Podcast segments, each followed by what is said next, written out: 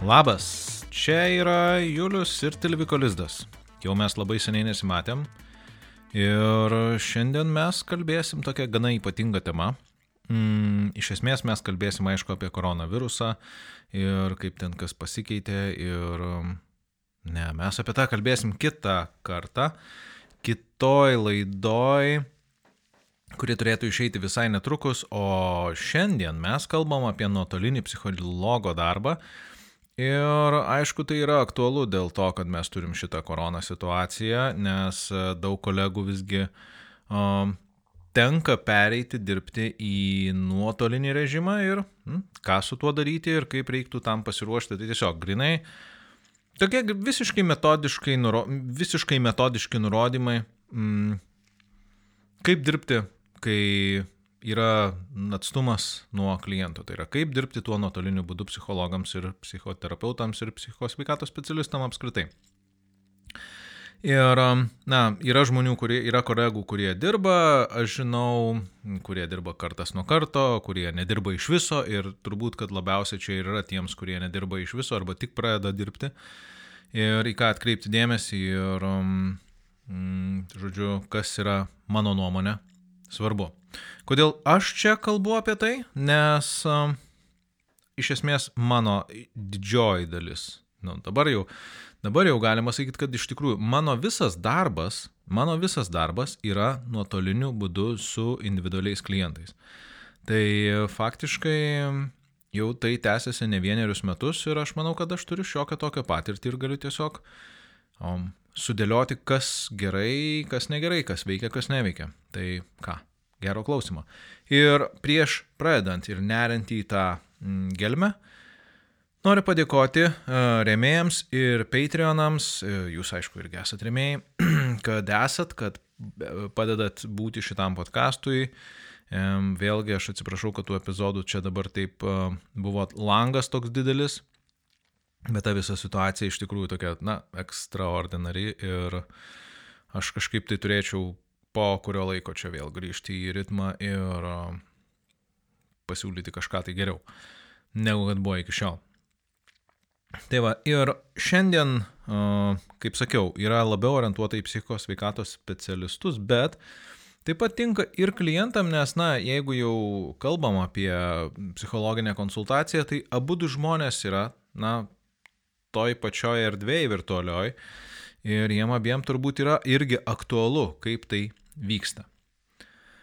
Kodėl turėtumėt dirbti, jeigu esat psichologas, psichos veikatos specialistas apskritai, jeigu esat ir mm, visam šiam na, karantininiam periode, kodėl jūs turėtumėt pradėti dirbti, na tai aš tiesiog gal labai labai greitai pasakysiu tą bendrąją informaciją, priminsiu gal žmonėm, kad yra nepaprastai svarbu mums apsaugoti savo klientus, kadangi na, už, šitas virusas yra nepaprastai užkrečiamas ir um, labai ilgas tas inkubacinis periodas, dabar jisai, na, oficialiai sakoma 14 dienų, bet, na, tyrimai rodo, kad dar gali būti ir dar ilgesnis. Ir um, todėl mes, būdami nuolat besikeičiančioj terpiai su savo klientais ir jeigu ypač dirbam kažkokioj tai uh, klinikoje, kur daugiau tų klientų pereina, tai, na, užtikrinti tą saugią aplinką savo klientam galima gerokai sunkiau. Ir dėl to rekomenduotina daryti tai, ką mes galim daryti nuotoliniu būdu, o iš tikrųjų nuotoliniu būdu mes galim pakankamai daug. Ir aišku, kuo mes mažiau užkrato platinam, kuo, kuo ar, nes grįžtant atgal prie paties korono, tai mm, iš esmės taip atrodo, kad sirgs labai nemažai žmonių, tik tai svarbiausia, kad na, tas sirgimas išsitęstų į kuo ilgesnį laiką, kad ta kreivė nebūtų toks labai staigus pikas, kada apsikrauna ligoninės ir medikai ir, ir niekas negali normaliai funkcionuoti. Tai jeigu mes tuo atveju turėsim išdėliotų laikė ilgesniai ilgesniai kreiviai, tokio ilgesniam laikotarpėje jų bus tas pats kiekis, bet į ilgesnį laiką tai ta kreivė bus žemesnė. Tai galite pasižiūrėti Corona Curve internete. Na ir pradėkim dabar prie, prie to pačio reikalo. Tai o, pirmiausia yra vieta, kur dirbti. Mm, pageidautina, kad tai būtų atskira uždara erdvė, kabinetas, kuriame būtų privatu ir pakankamai tylu, nes vėlgi jeigu girdisi išorės triukšmas, na tai jisai trikdys ir mus, ir trikdys, aišku, klientus, ir tada, aišku, viskas girdisi, tada vėlgi, kadangi dar mes nesam toj pačioje erdvėje, tai būna, kad jeigu kažkoks išorės triukšmas, tai netgi mm, klientai paklausia, o tai kas čia vyksta, kodėl čia, kas, kas čia darosi. Tai pageidautina, kad ta, ta situacija, kurioje mes esame, na, būtų kuo mažiau triukšmingesnė. Aš pagalvojau, kad iš esmės, jeigu jūs nebepriimat klientų gyvai, tai galima tiesiog dirbti tam pačiam kabinete, kuriame ir visą laiką dirbate tiesiog. Atsidė, atsinešti ten savo tas darbo priemonės, kompiuterį ar planšetę, per ką jūs konsultuosite ir dirbti. Na, nu, tai vienas iš tokių variantų. O jeigu nėra galimybės turėti, na, atskiro kabineto, mm, tai, na, pageidautina, kad tai būtų kažkoks, tai, na, toks privatesnis namų kampelis, kur galima būtų savo tyliai ramiai įsitaisyti darbo vietą ir darbuotis. Čia labiau orientuota yra į klientus, klientam irgi gali būti, kad na, sunku rasti kažkokią tai privačią erdvę, kur jie galėtų konsultuotis, pavyzdžiui, ypač jeigu yra karantinas, jie sėdi namie ir, ir dabar, nu, kur man dabar eiti, va, kaip čia, man reikia konsultacijos ir nenoriu, kad čia nei vaikai, nei žmona girdėtų, o gyvenam vieno didelio kambario lofte ten. Šimtas kvadratų, bet viskas viena vientisa erdvė. Tai mano klientai mm, neretai skambina iš automobilių, Tiesiog tai yra tuo, vėlgi, kadangi aš turiu mm, šiek tiek tų iš, įvairaus, iš įvairių šalių, tų klientų, tai mm, vėlgi labai nebloga erdvė, galima sėdėti tenai, tai yra pakankamai privatu, tai yra uždara mm, ir galima savo kalbėtis. E, specialistam aš nerekomenduočiau gal dirbti iš automobilio, nors esu pats irgi dirbęs. Uh, nes visgi sąlygos nėra pakankamai patogios ir vis tiek ten ir su šviesa yra prastai, ir su tada priklausomai nuo to, kur tas automobilis stovi, tai nu, tiesiog bus nepatogu ir jeigu visą dieną, tarkim, ten nežinau, šešis klientus priimti, visą laiką mašinoje sėdint, nemanau, kad bus labai jau čia komfortiška. Tai va. Ir aišku, iš darbo vietos, jeigu jau čia iš automobilio skambinamės, na tai svarbu pasitikrinti, koks tas yra ryšys toje vietoje, nes greičiausiai naudosite mobilų internetą, tai geriau tada naudoti tą ketvirtos kartos LTE ryšį. 3G mm, internetas jau, jau nelabai gali ir taip paveža, bet ne iki galo. Va, o viešo ryšio prieigos, kurios kartais būna, na ten ar degalinėse, ar kažkur kaip kada veikia, tai dėl to geriau turėti tą geresnį ir kokybiškesnį ryšį. Pakalbam dabar apie techniką, kokia jinai turėtų būti. Tai aišku, tinkamiausia turbūt vis dėlto kompiuteris su web kamera. Mm, ir skiriamoji geba kameros turėtų būti, na, tas vadinamas HD standartas, arba 1280 taškų ant 720. Tai tada jau gali, na, ta kamera išskiria pakankamai gerą vaizdą ir jau, na, klientas, kuris jūs mato, jis matys irgi pakankamai normaliai. Nereikia ten idealiai detalių, kad ten jūsų poros matytųsi, bet, na, iš esmės, jeigu, jeigu mm, jūs esate kažkokiam tai ten iš, iš, išbliurusiame tokiam mm, vaizdelėje, tai irgi tai nekelia nei pasitikėjimo klientui, nei to prideda kokybės pačiai, pačiai konsultacijai. Blogiausia atveju turbūt, kad na, žemiausias standartas, kurį aš rekomenduočiau, tai būtų SVGA arba 800 ant 600 pikselių kamera. Bet dabar šiaip apskritai šio laikinių dauguma kompiuterių turi tą HD kokybės kamerą, tai čia nėra didelės problemos. Nešiojimų kompiuterių.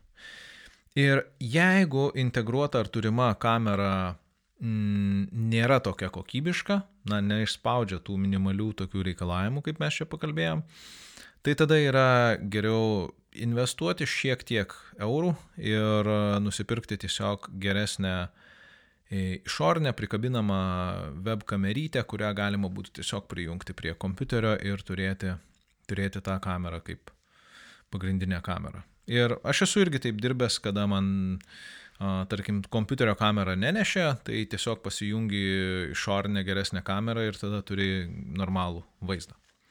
Pats kompiuteris, a, manau, kad visi šiuo laikiniai vidutiniški tokie 2-3 metų senumo kompiuteriai mm, bus pakankamai greiti ir pakankamai tinkami tam darbui.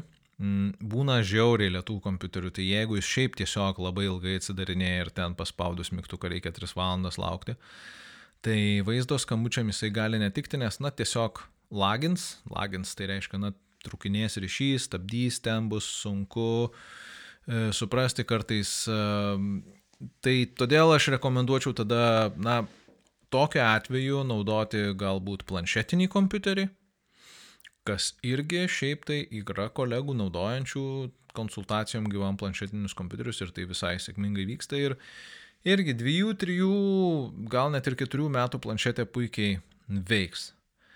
Um, su telefonu galima tą daryti, bet tai labiau yra, na, tokia atsarginė priemonė atsarginė priemonė, jeigu staiga ištinka kažkoks tai mechaninis šokas e, ar, ar elektroninis šokas mūsų kompiuterį ar planšetę ir mes jau nebegalim naudotis, ar tai ten ryšys stringa ar dar kažkas, tai, tai nu, tada turim kaip atsarginę tokią priemonę, kad galima ir per telefoną. Bet šiaip nuolatiniam darbui tai telefono ekranas tiesiog yra per mažas ir bus pakankamai sudėtinga, jeigu, tarkim, norėsim nežinau, 3-4 klientus konsultuoti, tai bus sunku ir plus tada, na, aišku, priklausomai nuo telefono, bet kai, pas kai kuriuos tai ausinės jungiasi į tą pačią jungtį kaip ir maitinimas, tai tada reikės kompiuterį, tai yra telefoną atskirai nu, jungti, tada ausinės ir tada jis išsikraudinės. Žodžiu, yra visa eilė tokių techninių problemų, tai dėl to aš nerekomenduoju telefonų. Mm, dabar apie garsą šiek tiek. Norint išvengti aido, mm, tai aš rekomenduočiau šiaip ausines su mikrofonu. Geriausia, geriausia turbūt rekomendacija tai yra tiesiog mažos tokios į ausis statomos ausinės. Na, kiekvieno telefono komplekte faktiškai tokios yra. Uh, Ir geriausiai tai tokios yra, kur įsikiša apskritai jausis, nu, vadinamos in-ear AirPods. Tai tiesiog jos dar ne tik tai, kad įsistato jausis, bet ir įsikiša ten iki galo tokia yra gumelė, kaip, mm, kuri ir padeda truputį izoliuoti išorinius garsus. Tai man, pavyzdžiui, tai labai, labai tinka.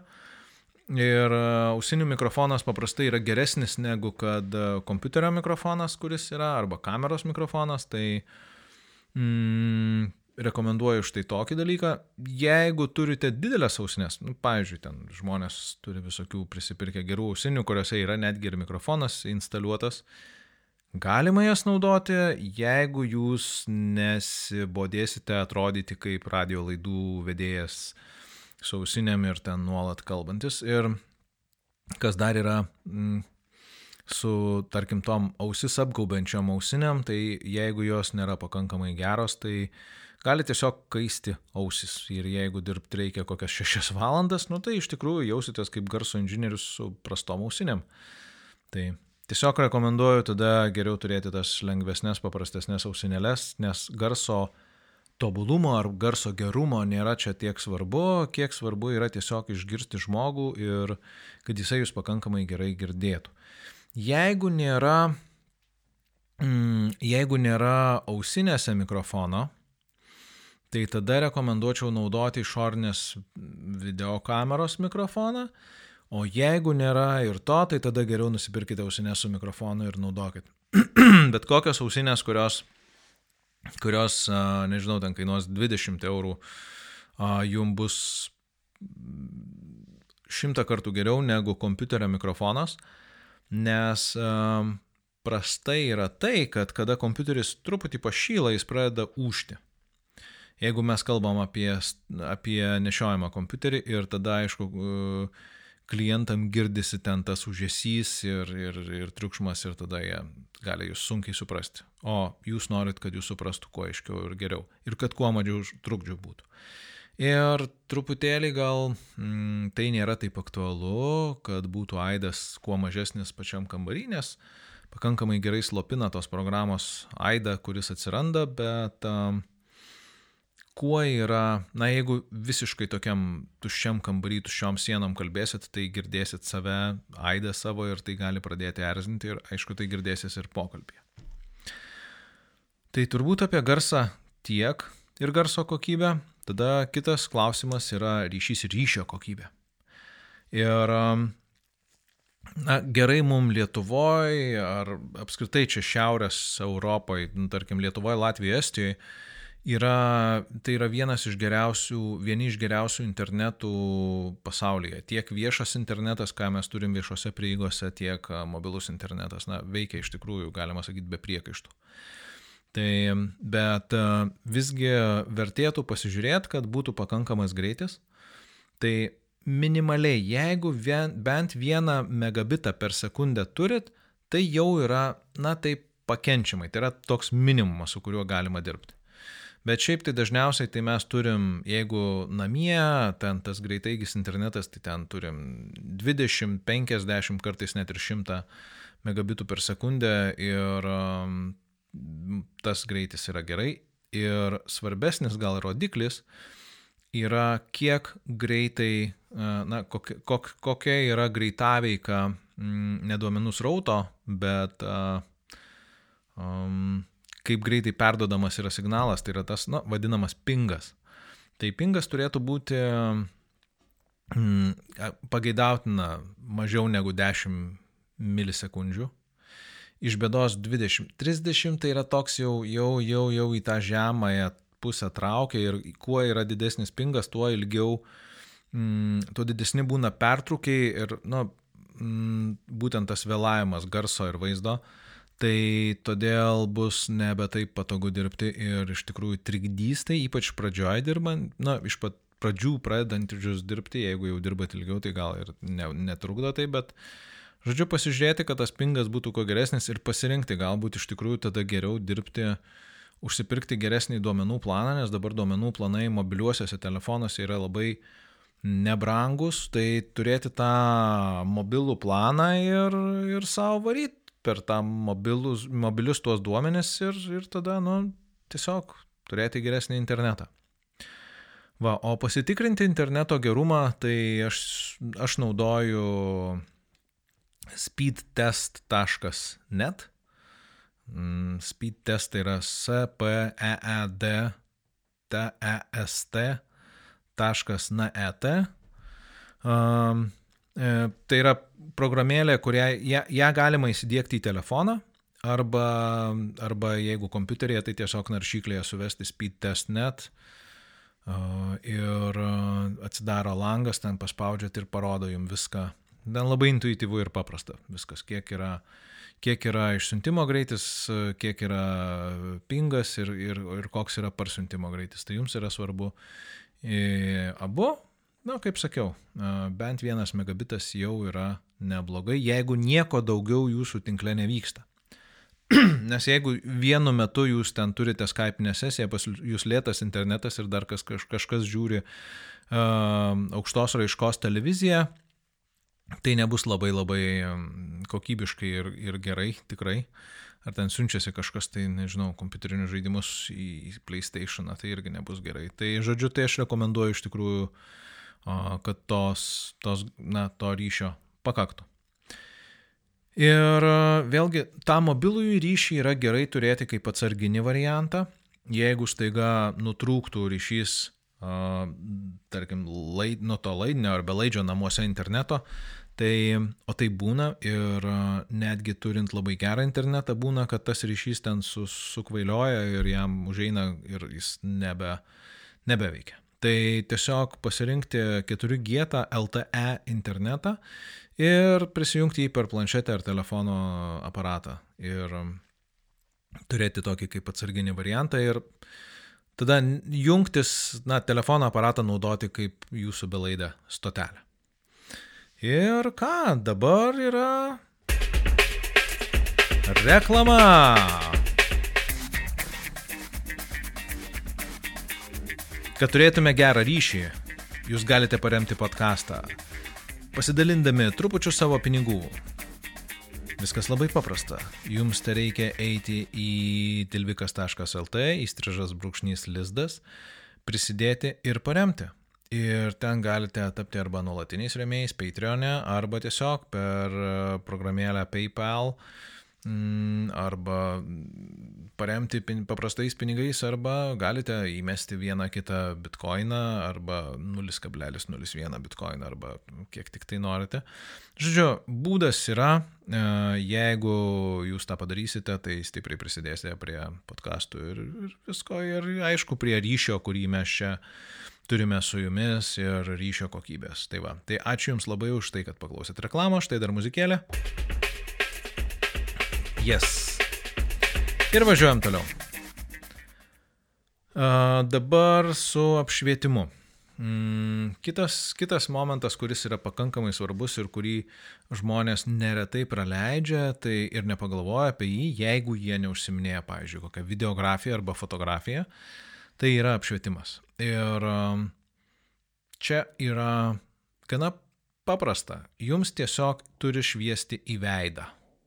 Ne už nugaros turi būti šviesos šaltinis, o šviesa turi kristi ant jūsų veido. Ir um, tai reiškia, kad jeigu jūs sėdit priešais langą, tai yra gerai. Jeigu langas yra šone, tai gali būti pusiau gerai, priklauso nuo tos šviesos. Ir uh, blogiausia yra, kai mes esam šešėlį arba yra nepakankamai apšvietimo. Tai uh, Na, jeigu esam uždaroje patalpoje be langų, tai tada reikia to apšvietimo tiesiog įsijungti maksimaliai kiek įmanoma daugiau, kad jo užtektų. Vėlgi, jeigu yra, yra netgi ir dirbtinis apšvietimas ir jums už nugaros kažkas šviečia, tai yra tikimybė, kad jūsų veido nesimatys, jis bus tamsus arba visiškai juodas, nes, na, tiesiog kamera reaguoja uh, ir atitinkamai pasireguliuoja visus, e, reiškia, ryškumus taip, kad būtų subalansuota ten taip, kaip jai atrodo. Ir tai visai nėra taip, kaip mes, kad norėtume, kad matytųsi viskas. Va, tai paprasčiausias būdas tai yra tiesiog e, atsisėsti priešais langą, priešais save pasistatyti lempą e, arba užsidegti kambarį tiesiog lempą ir, ir ar ten dar kokį, nežinau, tarširiuką šalia pasistatyti, bet žodžiu, kad šviesa kristų jums tiesiai į veidą arba iš šono labiau. Ir vengti aštrios šviesos irgi pageidauju, nes jeigu, tarkime, iš vienos pusės lango šviečia ryškiai saulė, o kitoj pusėje kambarys yra ten jau eina tamsin, tai tada irgi bus toksai, na, kaip, kaip pusė menulio jūsų veidas ir, ir, ir tos kitos pusės, kaip ta tamsioji menulio pusė jos nebus matoma. Tai tokiu atveju, jeigu jau taip yra, tai aš tiesiog rekomenduočiau nuleisti ten žaliuzės ar um, užtraukti užuolaidas, o jeigu to neina padaryti, tai dar vienas geras būdas, kurį naudoja šiaip beje fotografai, tai tiesiog užklijuoti balto popieriaus ant lango ir tada tokia, na, ta šviesa jinai paminkštėja, jinai gerokai pasidaro lengvesnė ir, na, tada tampa visai gražus apšvietimas. Tai tada jinai išsisklaido tą šviesą tiesiog. Tai vad yra gerokai paprasčiau tada būti su ja. Ir ja, čia nereikia gal labai kažkokio, tai, na, tai nėra studijinis kažkoks tai įrašas, kur jūs ten turite tobulai pasidaryti tą apšvietimą, bet, na, iš esmės turbūt didžiausia klaida, kurią daro žmonės, tai yra būtent, kad jie atsisėda už lango ir tada jų nesimato, arba tokiam pusšešėlyje. Tai va, tai šitas.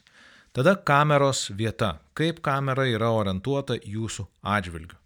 Ir labai neretai, ką žmonės daro, kokią klaidą, tai yra tai, kad kamera yra žemiau e, negu kad jų yra akių lygis. Na, apskritai, kamera žiūri kur nors ten, nežinau, į kaklą ar į krūtinę.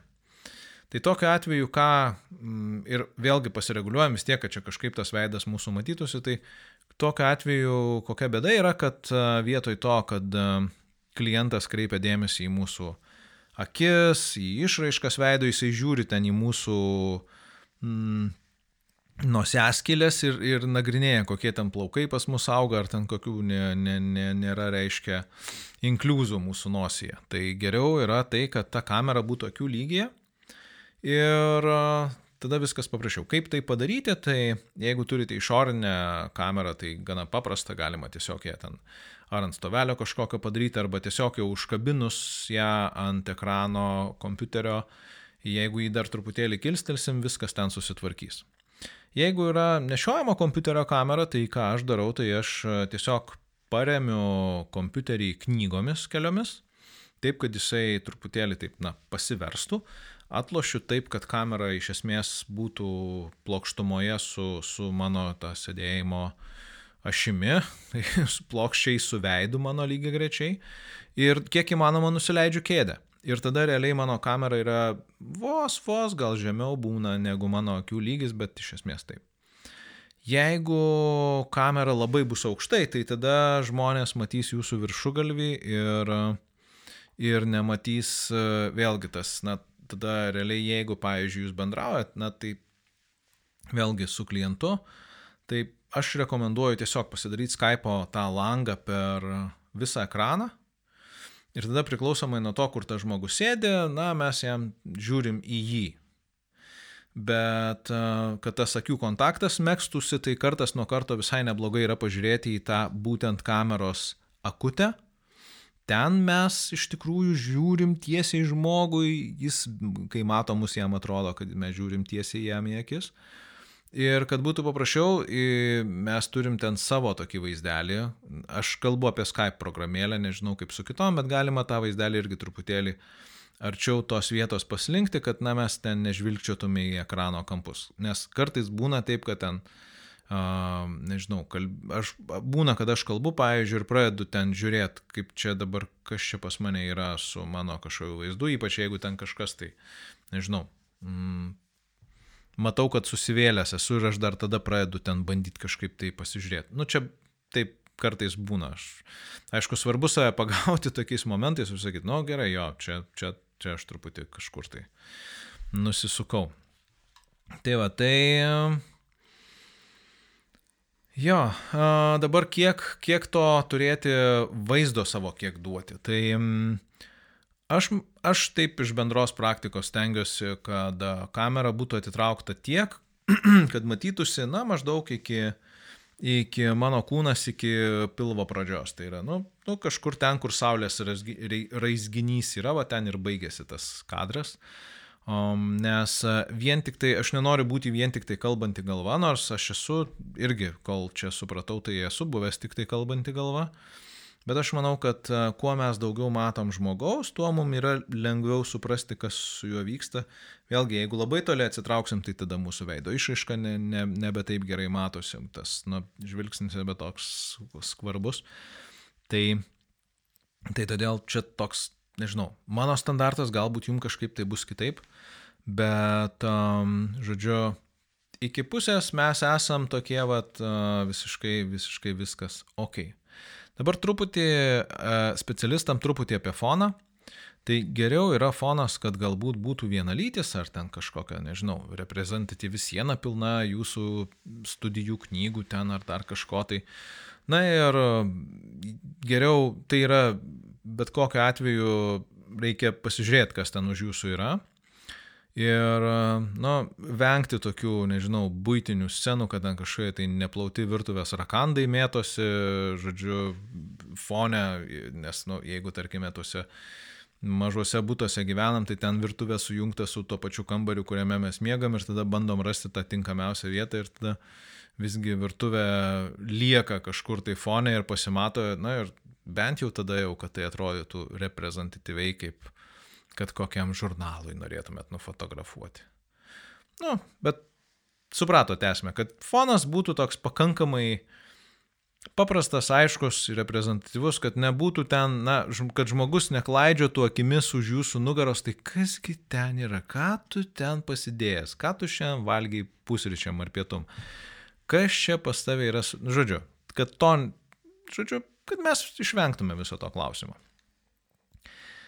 Dabar prieš pat darbą, toks, na, kaip čeklistas, kaip sąrašas darbų, kuriuos reikia padaryti, koks čia čeklistas. Tai prieš darbą aš rekomenduoju išjungti visas programas, kurios yra kompiuterį. Apskritai, idealiausia yra pradedant dieną, tarkime, na, kai aš pradedu savo darbo dieną, tai aš perkraunu kompiuterį iš naujo. Nors šiaip tai nėra poreikio tam perkrovimui, bet aš žinau, kad jeigu um, bent jau ant mano kompiuterio, tai jeigu neperkraunu kompiuterio, tai Skype'as kartais striginėja bet būna, nežinau, savaičių kartais, kad jisai nestringa, bet vad kartais tai būna, tai aš taip paprasčiausiai man yra ramiau, kad aš perkraunu prieš kiekvieną dieną, reiškia, atidaręs jį. E, jeigu aš jo ne, nemigdau, tai žodžiu, tai, tai tada aš jį ir neperkraunu, bet, žodžiu, perkraunu kompiuterį, išjungiu visas programas, kurios automatiškai pasileidžia, jeigu ten kažkas pasileidžia, ir palieku tik tai tai, ko man reikia. Tai um, Skype'ą galbūt, nežinau, jeigu užsirašinėjate tiesiai į kompiuterį, ir aš neseniai tą pradėjau daryti, tiesiai rašyti į kompiuterį konsultacijų metu, tai, nu, tai aš ten pasilieku savo tą uh, dokumentą atidarytą irgi. Ir viskas. Mm, kitu atveju, jeigu kompiuteris yra mažiau galingas, tai na, tos programos jos vis tiek naudoja kompiuterio resursus ir automatiškai tada mažiau tų resursų lieka jūsų pokalbių programai. Ir kuo, o jūs norit, kad pokalbių programa veiktų kuo efektyviau, kuo geriau. Tai, mm, žodžiu, paliekam kuo daugiau galios tenai. Pasižiūriu, kad būtų tinkamas belaidis tinklas pasirinktas. Vėlgi čia būna kartais fokusų, kad jeigu yra keli belaidžiai tinklai, prie kurių galima jungtis, tai ten, kad būtų tas Mm, va, pasimatuojam greitį, kad tikrai viskas gerai ir, na, aš, jeigu yra kažkokie tai, nežinau, automatiniai pranešimai, kurie ateina ten į kompiuterį, tai irgi svarbu juos išjungti, ar ten kažkokie skriptai, kur sukasi, nes man yra, pavyzdžiui, buvę vienos konsultacijos metu, kai aš ten konsultuoju, kalbu su žmogumi ir Staiga man užgroja ten kažkoks tai muzikėlė, kažkas ten pradeda kalbėti ir pasirodo, ten buvo skriptas paliktas, kuris ten kas kažkiek laiko paleidžia ten tam tikrą puslapį. Žodžiu. Ir kadangi, kadangi ten buvo toksai labiau bandymas paprogramuoti tą skriptą, tai ten, žodžiu, kažkokį tai paskutinį žiūrėtą YouTube filmuką paleisdavo. Tai Žodžiu, tai taip truputį taip buvo keista. Tai žodžiu, tai tą irgi pasižiūrėt, kad būtų išjungta visi skriptai, viskas. Ir aišku, aš pasitikrinau, kad būtų na, webkameros objektyvas švarus.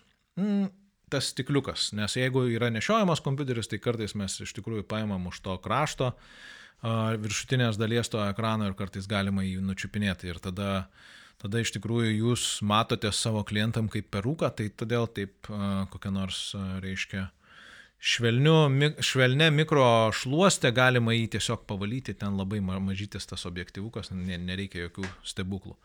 Va, ką tik tai pavaliau ir savo objektyvą, čia jau kalbėdamas. Va.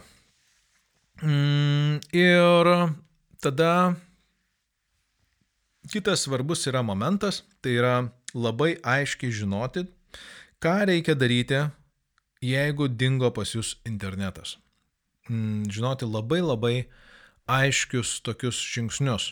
Aha, dingo internetas, e, tai kaip patikrinti, ar jis dingo ir apie tai mes truputėlį vėliau pakalbėsim. Dabar naudotinos programos. Mano rekomendacija turbūt, nežinau, aš nenoriu rekomenduoti nieko, bet aš naudoju pats Skype'ą. Gal todėl, kad aš tiesiog istoriškai jį seniai naudoju, tai uh, gana, šiaip gana populiari programa, jaunimas dabar naudoja ten kažkaip daugiau kitų dalykų, bet Skype'as gal man patinka tuo, kad, na, iš esmės nereikia man registruotis į jokį socialinį tinklą, o kadangi aš socialinių tinklų akantų neturiu apart darbinių, tai man tas labai gerai. Va. Nu, žmonės dar naudoja WhatsAppą, Viberį, Google, chatą, Hangoutą ar ten Duo. Facebook Messengerio skambučius naudoja, tai čia priklauso kaip kas, bet um, kuo aš taip, vėlgi tas Skype'as mano, tai kad aš kuo mažiau būčiau priklausomas nuo kažkokio tai socialinio tinklo ten ar dar kažko tai ir, na, Skype'as šiuo metu man pasiteisina. Jeigu kas naudojat Apple ir jūsų klientai naudoja Apple, čia galima vėlgi prieš derinantis konsultaciją susirašyti, tai ar ten, tarkime, jeigu jau susiskambinat per Skype ir sužinot, kad, nu, ten, žodžiu, jie gali naudotis FaceTime'u, tai galima naudoti FaceTime, nes FaceTime'as iš tikrųjų pakankamai efektyviai su duomenim dirba ir ypač dirbant su užsienio klientais, tai o, man yra nekarta pasiteisinęs, kad Skype'as neveikia, o FaceTime'as veikia puikiai. E, jeigu vyksta pats skambutis, tai, na, neretai būna, kad aš, jeigu pirmą kartą dirbu su klientu, tai aš parašau, kad laba diena, čia žodžiu, lauksiu jūsų skambučio, kai pasiruošite. Ir tada klientas man skambina, o šiaip tai įprastai mano klientai tiesiog žino, kad yra jų laikas ir jie tarsi į kabinetą pas mane patys įeitų, tai lygiai taip pat jie patys man ir skambina sutartu laiku. Čia nieko turbūt, bet čia jau priklauso viskas turbūt nuo jūsų settingo. Ir uh, Tam, kad privatumą daugiau išlaikytume, tai yra, kad sesijų metu ten netrukdytų ir nerašinėtų, tai na, aš pasidaręs, kad man gali skambinti tik tai tie kontaktai, kurie yra patvirtinti, registruoti, tai yra pirmą jie turi atsiųsti tą pakvietimą, e, žodžiu, įsiregistruoti į mano kontaktus, tada aš patvirtinu ir jie gali skambinti.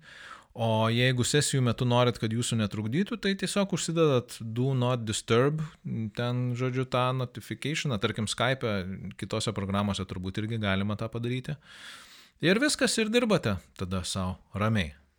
Ir um, gali kilti klausimas, tarkim, e, specialistam dirbantiem, na, daugiau su gyvai ir, tarkim, na, jie piešia arba ant lentos, arba, arba tarkim, kažką tai savo užrašuose ir rodo ir dalinasi tuo.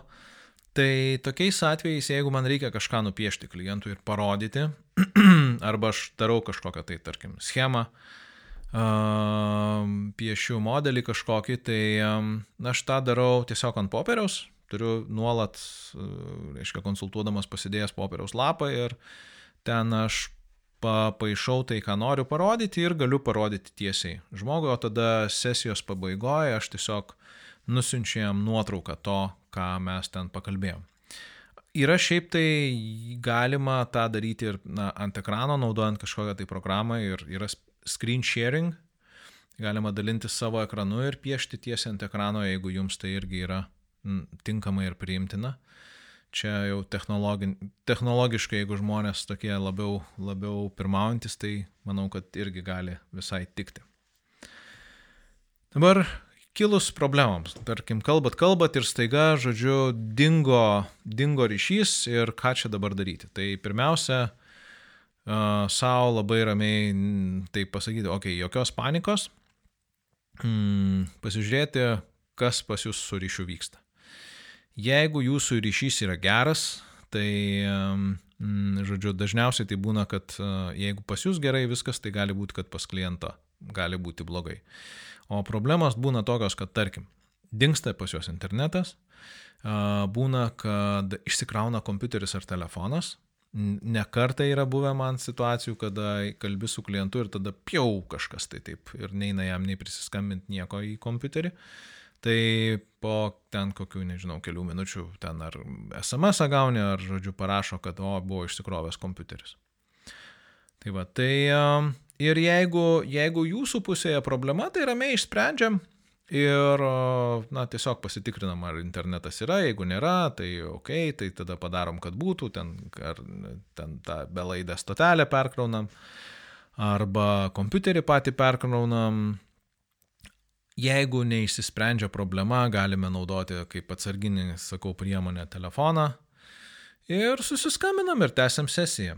Ir mm, gal yra tas momentas svarbus, kad gerai tokiu atveju turėti kliento telefono numerį, net jeigu jis yra ir užsienyje, tai irgi galima pasiskambinti, susirašyti, kad o žiūrėk, čia su internetu kažkas negerai ir mes kažkaip tai tą problemą spręsim. Ir um, mm, arba tiesiog elektroniniu paštu būna, kad, na, dabar šiandien jau elektroninį paštą turim visi ten telefonuose ir galime tiesiog greitai brūkštelėti, kad kaip čia yra, kur, kurioje pusėje problema išsiaiškinti ir išsiaiškinti. Ir šiaip tai, na, tų techninių problemų būna, bet jos nėra tiek baisios ir tiek trikdančios, kad visiškai nebūtų galima dirbti. Tai čia yra labiau išimtis negu, negu taisyklės. Ir um, kartais gali padėti uh, tiesiog perskambinimas iš naujo.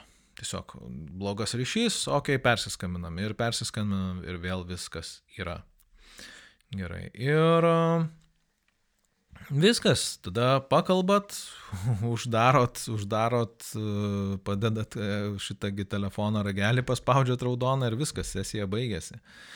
Ir turbūt, kad tokie esminiai dalykai, kaip tas darbas internetu vyksta ir, na, tokie, kaip aš sakiau, grinai, grinai techniniai dalykai. Aišku, darbas internetu turi savų privalumų, tai yra tai, kad, na, klientam niekur nereikia važiuoti, nereikia jum niekur važiuoti, bet turi ir savų trūkumų, nes tada tas gyvas kontaktas yra kitoks negu kad internetinis, aš tą tikrai pripažįstu. Tai va, šiandien tiek, brangieji, aš su jumis atsisveikinu ir sakau iki labai greito susitikimo kitam epizode apie koronavirusą ir psichologinį visą foną, kuris čia vyksta. Sudie, nesirkit, būkite saugus Iki greito. Julius Tilviko Lizdas.